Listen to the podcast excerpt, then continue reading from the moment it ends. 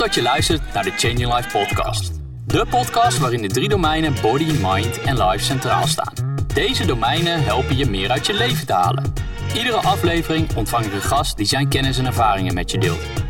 Mijn naam is Tom Barten, oprichter van Changing Life en de host van deze podcast. Ben je er klaar voor?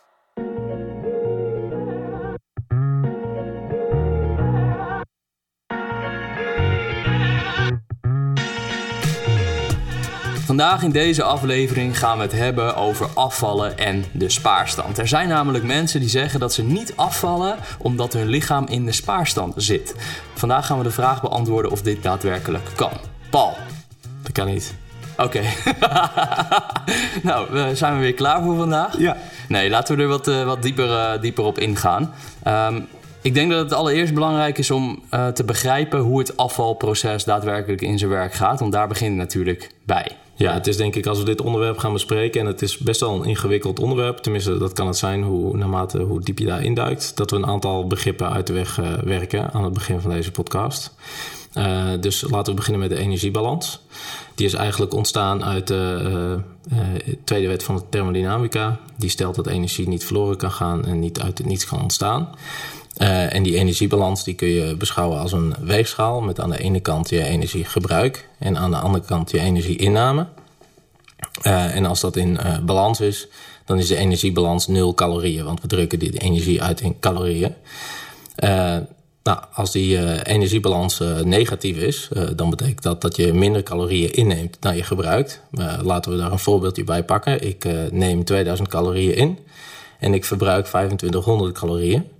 Dat betekent dat ik een energiebalans heb van min 500 calorieën. En dat betekent, uh, want ik zei zo net, energie kan niet uit het niets ontstaan. Dat die calorieën ergens vandaan moeten komen. Nou hebben we daar een opslag voor, onze vetopslag. Dus vet op je lichaam.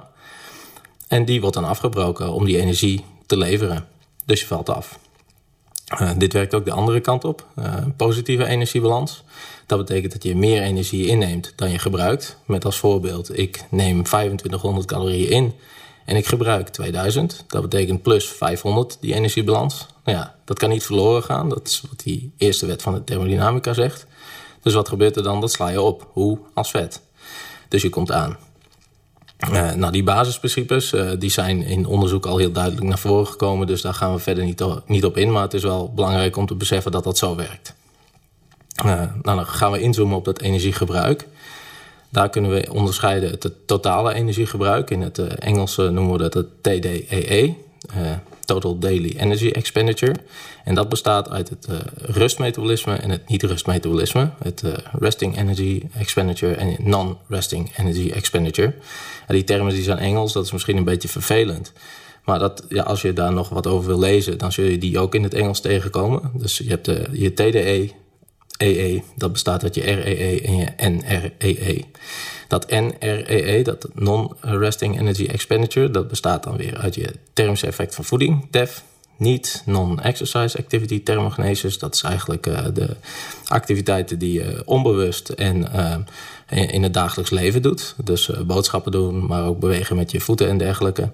En je hebt nog de EAT, de exercise activity thermogenesis. En dat is de sportactiviteiten die je doet. Dus dat TEF, niet en eat, dat vormt samen dat niet-rustmetabolisme. Um, nou goed, als we het hebben over metabole schade of starvation mode... of spaarstand, uh, zoals mensen dat ook wel noemen... dan hebben we het over schade in dat rustmetabolisme, dat REE. Um, en we zien dat dat rustmetabolisme tussen personen eigenlijk best wel weinig verschilt... van dezelfde leeftijd, hetzelfde geslacht, hetzelfde gewicht... Dus als er twee Tom Bartons naast elkaar staan, dan verschilt dat de rustmetabolisme eigenlijk vrij weinig. Um, maar mensen die zeggen dat ze last hebben van de spaarstand, uh, die geven aan: nee, ik heb uh, uh, zo weinig energiegebruik, dus mijn rustmetabolisme is zo laag geworden door het afvallen dat het op slot zit. En dat herstelt zich ook niet meer. Dus er is een daling in mijn rustmetabolisme geweest, die is groter dan ik had verwacht. En dat is niet omkeerbaar. Dus het is onherstelbare schade. Nou ja, dat, dat, is de, dat is de definitie van metabole schade. Ja, dat, wat zegt onderzoek hierover? Bestaat dat überhaupt, zeg maar, dat metabole schade? Is dat niet omkeerbaar? Nou, je, het gaat dus om een daling in je rustmetabolisme die je kunt verwachten. En um, die uh, meer is dan je kunt verwachten. Nou, waarom kun je een daling verwachten in je rustmetabolisme? Als je afvalt, dan daalt je gewicht. En daarmee daalt je vetvrije massa, je vetmassa, je orgaanmassa. En daarmee daalt je rustmetabolisme. Want die elementen vormen voornamelijk je rustmetabolisme. Waarbij orgaanmassa een hele belangrijke speler is. Wat mensen wellicht uh, onderschatten. Uh, denk bijvoorbeeld aan de energie die je hersenen nodig hebben, die je lever nodig hebt, die je nieren nodig hebben. Nou, dat is echt gigantisch hoog. En um, uh, bijvoorbeeld uh, ten opzichte van je spiermassa, dat verbruikt volgens mij maar iets van 16 calorieën per kilogram. Nou ja, dat is vrij weinig als je kijkt naar hersenen die volgens mij rond de 400 calorieën gebruiken.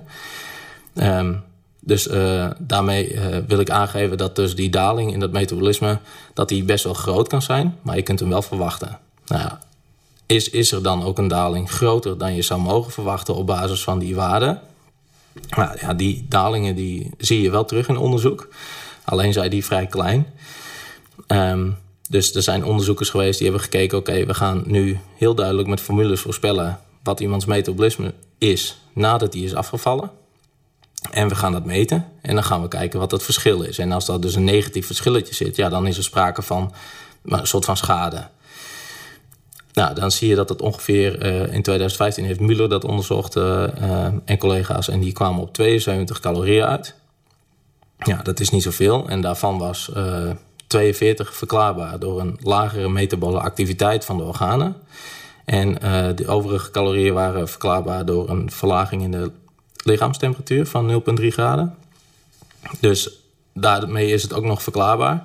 Was het omkeerbaar? Ja, uh, die daling die kwam binnen drie weken. Nadat ze bezig was, drie weken aan het afvallen. toen kwam die daling, was al zichtbaar. En vervolgens gingen ze twee weken refeeden en was die daling weer weg. Dus is er sprake van schade? Absoluut niet, want het is herstelbaar. Is er sprake van een grotere daling dan je zou mogen verwachten? Ja, maar dat is dus maar vrij klein. Um, nou zijn er wel uh, onderzoeken die een grotere daling laten zien. Een grotere daling dan dat je zou mogen verwachten. Dus zeggen, joh, weet je dat metabole schade, dat bestaat wel. Maar die onderzoeken die leiden eigenlijk aan, aan uh, statistische fouten... Uh, door het gebruiken van verkeerde formules. Um, je kunt daarbij denken dat een, een, formule moet rekening houden met de vetmassa... de vetvrije massa, het vetpercentage, de orgaanmassa... En als ze dat niet op alle momenten binnen iemands afvalperiode doen, uh, ja, dan kunnen die formules wel eens uh, een foute berekeningen maken. Dus als jij een formule toepast op iemand die gaat afvallen en die obesitas heeft en uh, eh, 50 kilo afvalt, dan kun je die formule die je gebruikt op baseline niet gebruiken nadat die persoon is afgevallen. Dan klopt die formule namelijk niet meer en zie je dus een overschatting van de metabole, zogenaamde metabole aanpassing. Um, ik zeg uh, expres nu aanpassing, omdat we dus in onderzoek praten over aanpassing en niet over schade, omdat er dus sprake is van een omkeerbaarheid. Dus we praten over een aanpassing. Um, nou, dan kunnen we nog verder gaan kijken. Zijn er ook nog andere onderzoeken die dit ook zo bekijken? En die zijn er. Henselmans heeft in 2015 een onderzoek gedaan en daarbij heeft hij een ratio aangehouden tussen uh, het verwachte en het uh, gemeten metabolisme. En daarbij zie je ook uh, dat er dus als rekening wordt gehouden met de lichaamscompositie, dus die veranderingen in uh, massa, vetvrije massa, vetmassa, orgaanmassa, dan is er geen eens sprake van schade of van aanpassing. En de aanpassing die tijdens het afvaltraject plaatsvindt, die ja, keert gewoon weer om. Dus ook dat zijn dezelfde conclusies. maar goed, de, uiteindelijk is de vraag dus, we weten nu dat eigenlijk schade niet bestaat. En dat het dus een aanpassing is en dat die zich ook weer terug omkeert. Um, houdt het je dan tegen om af te vallen? Dat is natuurlijk de vraag. Want mensen die aangeven, ik zit in starvation mode of spaarstand... die geven aan, ik kan niet meer afvallen. Nou, klopt dat dan? Nou, dan gaan we dus kijken naar uh, de Minnesota Starvation Studie. Een hele bekende studie die uh, in uh, 1945, 1946 is, is gehouden. En dat is een bijzondere studie omdat destijds de ethische verantwoording anders was dan nu die studie uh, er uh, heeft er namelijk voor gezorgd dat wij heel veel informatie hebben gekregen over uh, starvation. En in een huidige setting, zoals we die nu hebben, toetst een ethische medische commissie of je onderzoeksopzet of dat wel ethisch verantwoord is. Nou, die had de Minnesota-studie nooit goedgekeurd. Waarom niet? 36 mannen gingen daar een half jaar lang in starvation, starvation onderzoek. En dat betekent dat ze ongeveer de helft van hun caloriegebruik innamen. Nou, dat is een gigantisch groot calorietekort. En uh, ja, die gingen dus ook superveel gewicht verliezen. Ongeveer 25% van hun lichaamsgewicht. Ja, dat is uh, vrij veel als je gewoon normaal gewicht hebt en je begint aan zo'n uh, traject. Het is misschien wel even leuk om, om hier een beeld bij te krijgen. En dan kun je googlen op de Minnesota-studie. En dan zie je echt foto's van mannen die ja, die graadmager zijn. Echt ribben, ingevallen gezichten, echt totaal afgevallen uh, gedurende die zes maanden. En dat is dus ook niet tegengehouden door hun dalende metabolisme. Want dat was wel redelijk aangepast, dat metabolisme. Sowieso dus omdat ze zoveel massa verloren. Maar ook meer dan je zou mogen verwachten. Dus die metabole aanpassing, die was er wel. Maar keerde die zich om? Ja. Uh, je kunt zien dat als zij... Uh, want ze zijn ook nog later geïnterviewd. en volgens mij echt 50 jaar later... In 2015 zijn ze geïnterviewd en toen hebben ze ook aangegeven van, dat ze allemaal eigenlijk goed terecht zijn gekomen en dat hun, hun lichaamscompositie hetzelfde bleef. Um, maar die studie die heeft dus heel veel, heel veel informatie gebracht. En het bijzondere daaraan is dat die mannen dat dus op vrijwillige basis hebben gedaan. En daar ook geen vergoeding voor kregen of zo. dat ze echt zes maanden lang hebben moeten doorzetten om, om al die informatie te vergaren voor ons. Um, waarbij het echt het lichaam zo ver gaat dat zij zelfs uh, minder oorsmeer hadden, uh, uh, dat ze haaruitval hadden. natuurlijk geen libido meer, want ja, dat gaat als eerste weg. Reproduceren heeft geen voorrang als je, als je aan het overleven bent. Um, maar ook bijvoorbeeld hun oogwit, dat was zo helder wit, omdat de bloedvaten, die, die, een beetje een rooiere kleur geven, kleiner werden in hun ogen om maar te overleven.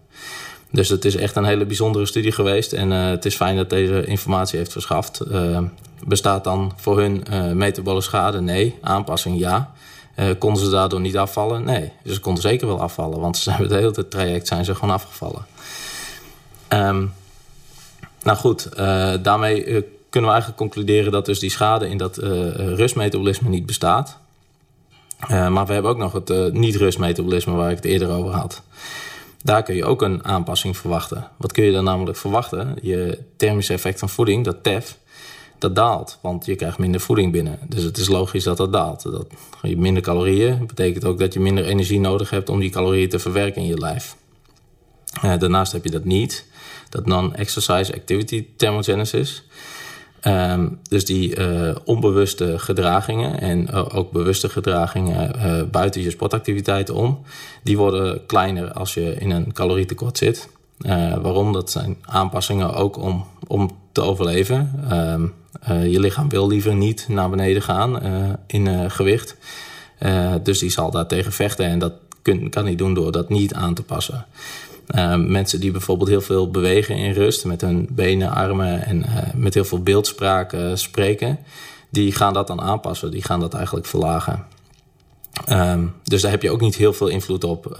daarnaast zijn er bijvoorbeeld dingen als boodschappen doen, lopend, et cetera. Je zult zien dat als je in een calorietekort zit, dat je daar op gaat beknibbelen, hoe dan ook. Um, maar, en dan hebben we nog de sportactiviteiten. Um, nou, je kunt ook verwachten dat die, uh, het caloriegebruik bij sportactiviteiten minder wordt. Waarom? Omdat je gewicht lager wordt. Dus minder uh, calorieën om te verslepen eigenlijk tijdens je activiteiten. Dat telt ook voor dat niet. Maar uh, is er ook een daling meer dan je zou mogen verwachten? Ja, voor dat niet en, en die spontane activiteiten kun je dus heel veel uh, aanpassen onbewust. Dat heb je niet door, maar dan kun je dus heel veel aanpassen. Dus dat is meer dan je zou verwachten. En voor die sportactiviteiten telt dat ook. Want er, uh, je, je lichaam gaat efficiënter met die energie om tijdens die activiteiten. Dus dat niet-rustmetabolisme, dat daalt wel degelijk meer dan je zou verwachten in een calorietekort. Uh, is dat schade? Nee, dat is ook een aanpassing en dat kan ook gewoon de andere kant op. Sterker nog, dat rustmetabolisme, dat kan niet omhoog veranderen, meer dan je zou verwachten. Dat niet-rustmetabolisme wel. Dus je kunt, als jij een, een calorie surplus hanteert, kun je ook de andere kant op. Kun je dus meer energie uh, verspillen tijdens activiteiten. Kun je dus uh, veel hogere niet krijgen, doordat je gewoon onbewust veel meer gaat bewegen. dus dat, het is belangrijk om te beseffen dat dat beide kanten op werkt. En dat die speler, dat non-re, die speler is veel groter, veel dynamischer. Um, en je ziet dat als uh, iemand gaat afvallen, dan zie je dus tijdens uh, aan het begin van het traject zie je dat het rustmetabolisme dat daalt eigenlijk vrij snel en dat stabiliseert dan. En dat niet-rustmetabolisme dat daalt eigenlijk uh, proportioneel, dus gelijk met um, het afvallen. Dus hoe meer gewicht je verliest, hoe meer dat zich aanpast. dus die curve, zoals je dat in een, in een grafiekje zou zien, dan zou je zien dat die hetzelfde zijn. Um, Oké, dan heb je nog uh, uh, de hersteltijd. Want ja, wanneer is dat rustmetabolisme dan weer terug uh, bij af? Nou ik had zo net al gezegd, als je weer meer gaat eten, dan gaat dat rustmetabolisme zich weer herstellen. En dat is dus onder leiding van alleen al je calorieinname dat dat al herstelt. Uh, aan de andere kant, uh, als je lichaamsmassa weer terug is, ja, dan is het sowieso weer terug bij af. Want we hadden geconcludeerd dat er geen schade was. Dus logisch dat als die massa weer terug is, dat het hetzelfde weer is. Um, bij dat niet-rustmetabolisme duurt dat iets langer. Dus uh, dat efficiënt omgaan met energie en dat verlaagde stukje spontane activiteiten en niet, dat, dat duurt iets langer voordat dat terug is bij af. Um, Daarmee heb je eigenlijk een kleine kans uh, dat als jij uh, een, een tijd bezig bent geweest met afvallen en je gaat vervolgens weer meer eten, dat je dan iets meer aankomt in vet dan je zou verwachten, omdat dus dat niet-rustmetabolisme niet zo heel snel uh, mee herstelt. Um, en dat noemen ze dan vet overshooting. Nou, die mannen in de Minnesota-studie die hadden daar ook last van. dat is natuurlijk niet zo gek, want die hebben zes maanden lang hebben die een calorietekort gehanteerd. En vervolgens mochten ze eten wat ze wouden. Enigszins gecontroleerd in het begin, daarna niet meer.